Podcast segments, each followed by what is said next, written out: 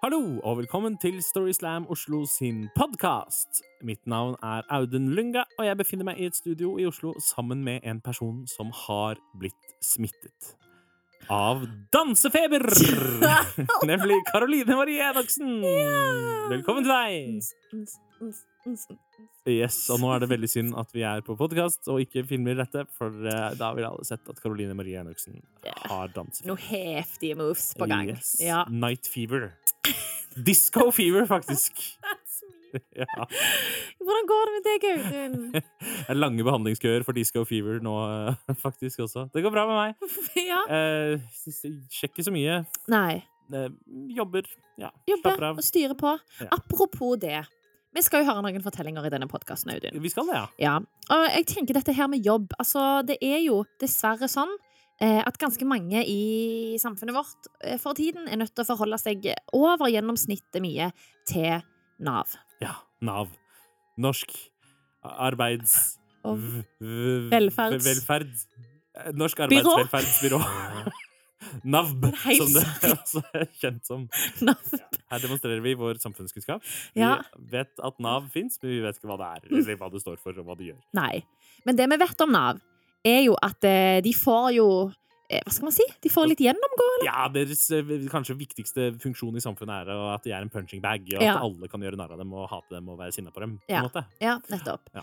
Og i denne episoden så skal vi høre en fortelling, blant annet, som ble fortalt i Kristiansand eh, høsten 2019. Yes, Den ble fortalt av Fredrik Jacobsen.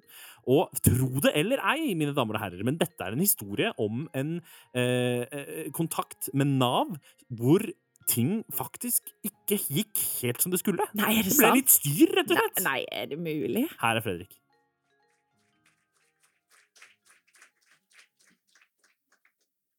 Når man skal få barn, så er det veldig mange ting man må ordne. Eh, man må ordne eh, babyseng, man må ordne babyvogn, babystellebord, babywipes, babybleier. Masse babyting må man ordne.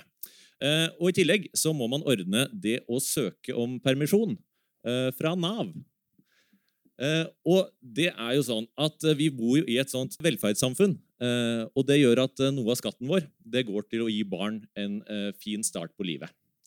At mor kan være hjemme og passe på like etter at hun har født.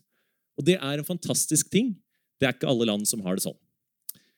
Så hvis vi spoler tilbake fem måneder fra nå, så ble jeg pappa. Takk.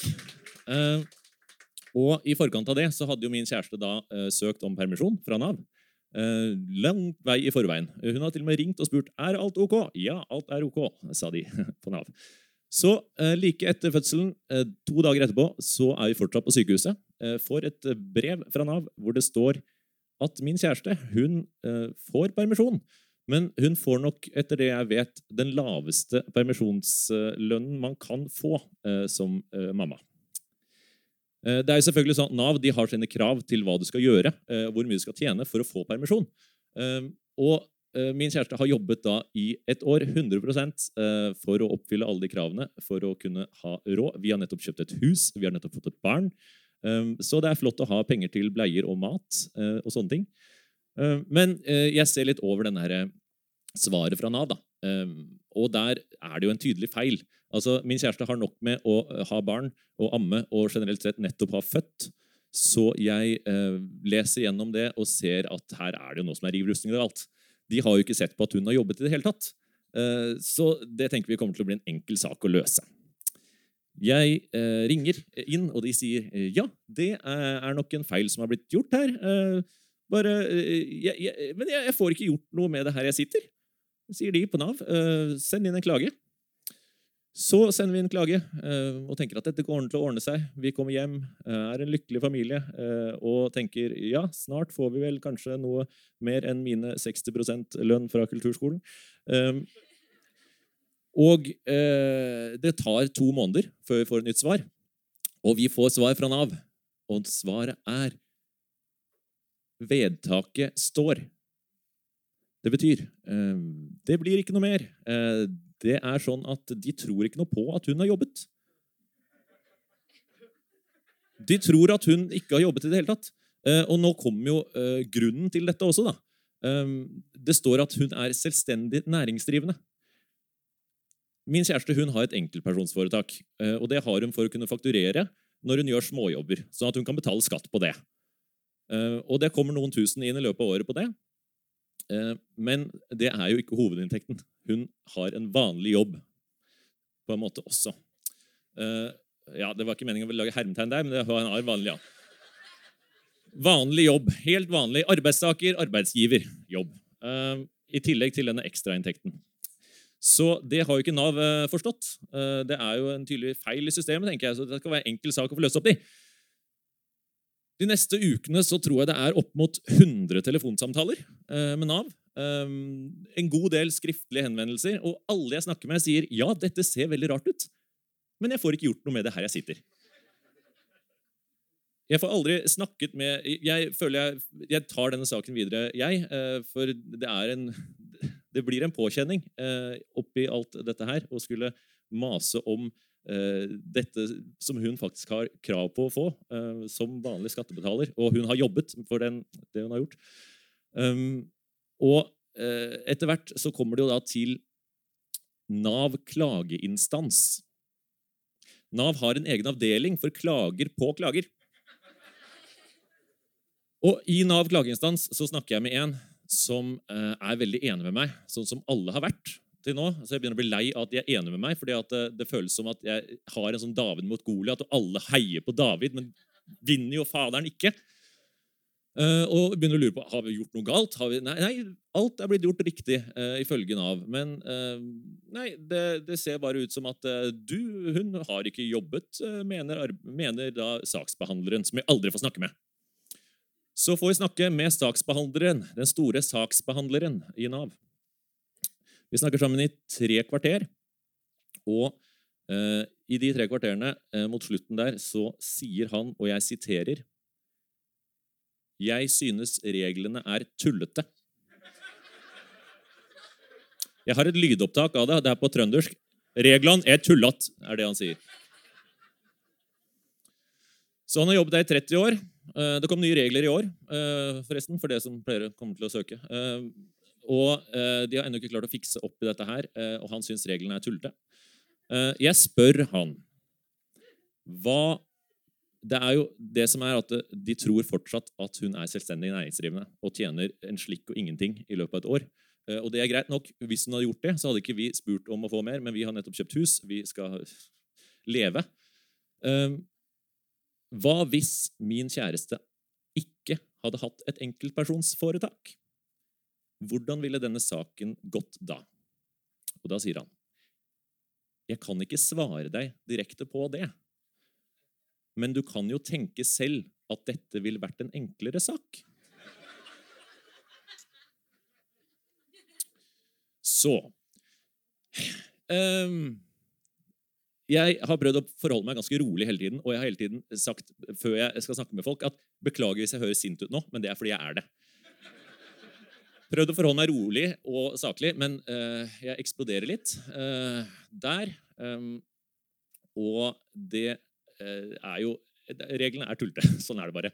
Um, det viser seg jo da at det har blitt gjort eh, flere feil i denne saken her, som ikke har vært vår skyld. Uh, og til slutt så får kjæresten min nesten det hun hadde krav på i permisjon. Uh, og vi slipper å selge huset, i hvert fall. Eh, det eh, som er nå, er jo Nå er det snart november, eh, og jeg skal eh, ut i permisjon. Og det gleder jeg meg til. Og jeg har også et sånt eh, enkeltpersonsforetak. Så takk for meg.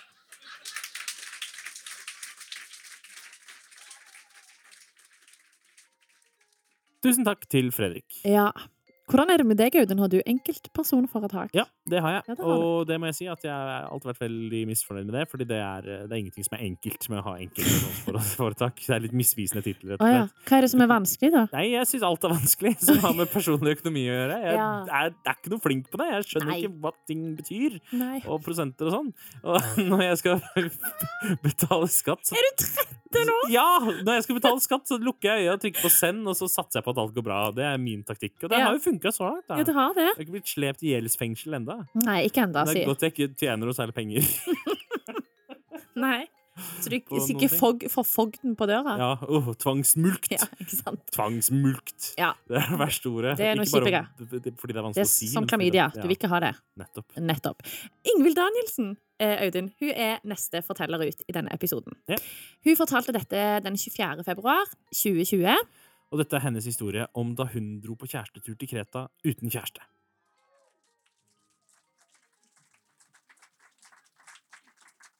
Det er ikke deg, men meg. Jeg står alene på flyplassen på Kreta. Med en Daff Cola Zero i den ene hånden og en tørr bolle i den andre.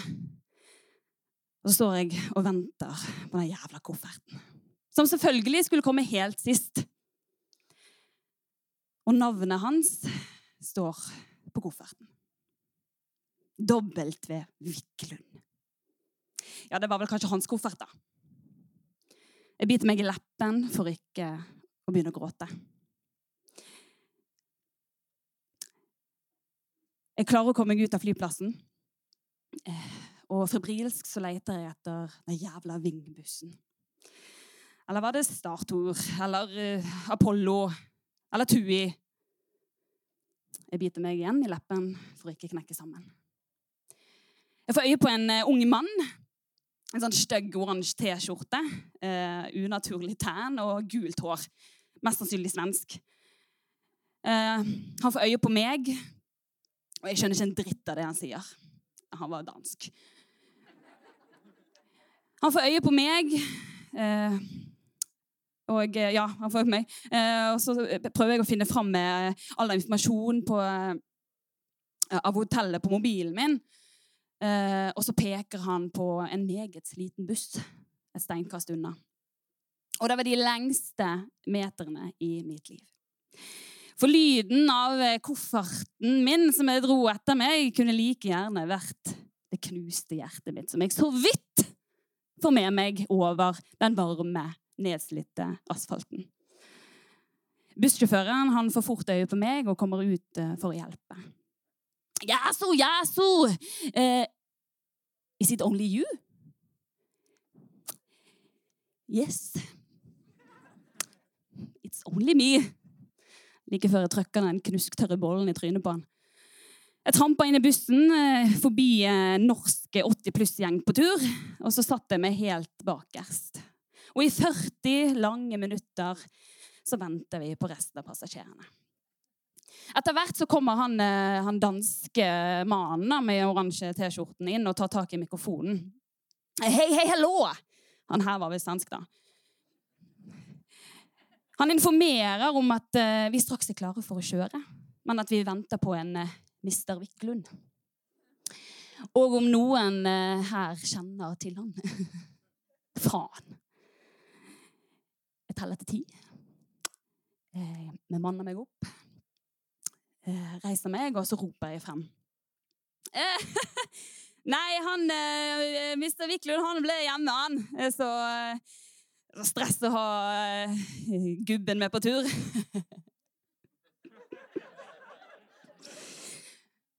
ja, 80 pluss-gjengen ler jo med, da, så det var hyggelig, det. Og vi var klare for å kjøre. Og jeg trodde ikke at det kunne bli verre. Fordi jeg ble dratt frem i bussen av tante Agathe og Rigmor som absolutt skulle snakke med meg gjennom hele bussturen. For de hadde også latt gubben være hjemme og skulle kose seg på jente, jentetur. Yay! Etter hvert så ble det en, eh, en håndsopprekning eh, over hvem som skulle av hvor.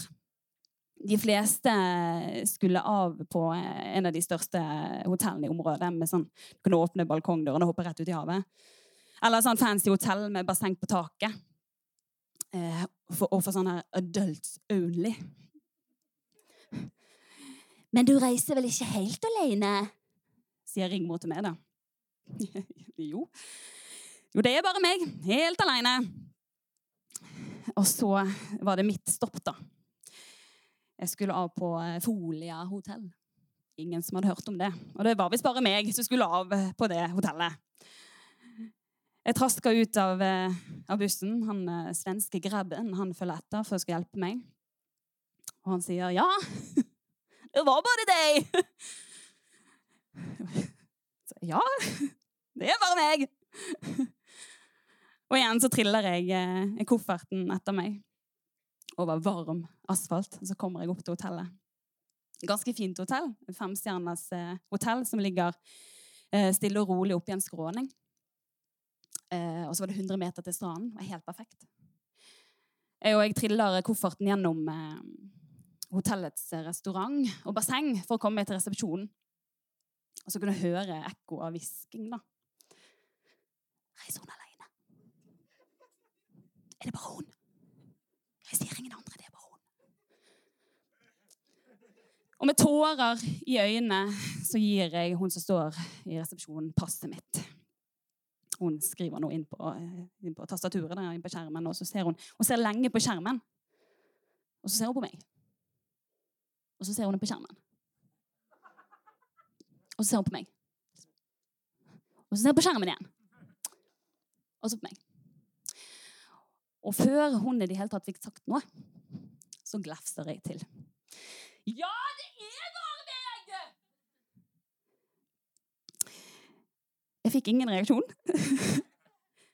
Hun tok en telefon, og etter hvert så kom det en mann eh, fra bakrommet og så ba meg eh, følge han.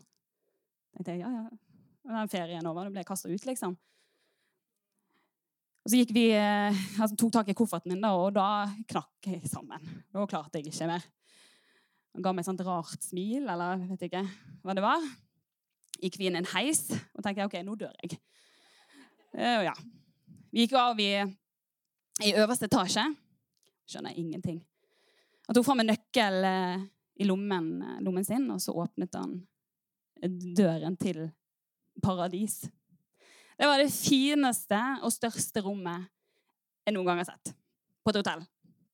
Med stor balkong eh, med havutsikt. Jeg får jo bare helt panikk. Jeg er bare eh, No, no, eh, I haven't paid for this. This is, must been a mistake. You know, it's just me. It's only me. Og han svarte tilbake Yes, yes, yes, yes. This is for you. Only you.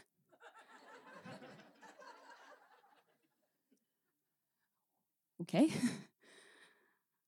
har liksom ikke en moral eller noe jeg egentlig har lyst til å, å, å si, si med historien, men eh, jeg levde som en dronning i to uker på Kreta. Jeg betalte verken for alkohol eller mat. Takk for meg!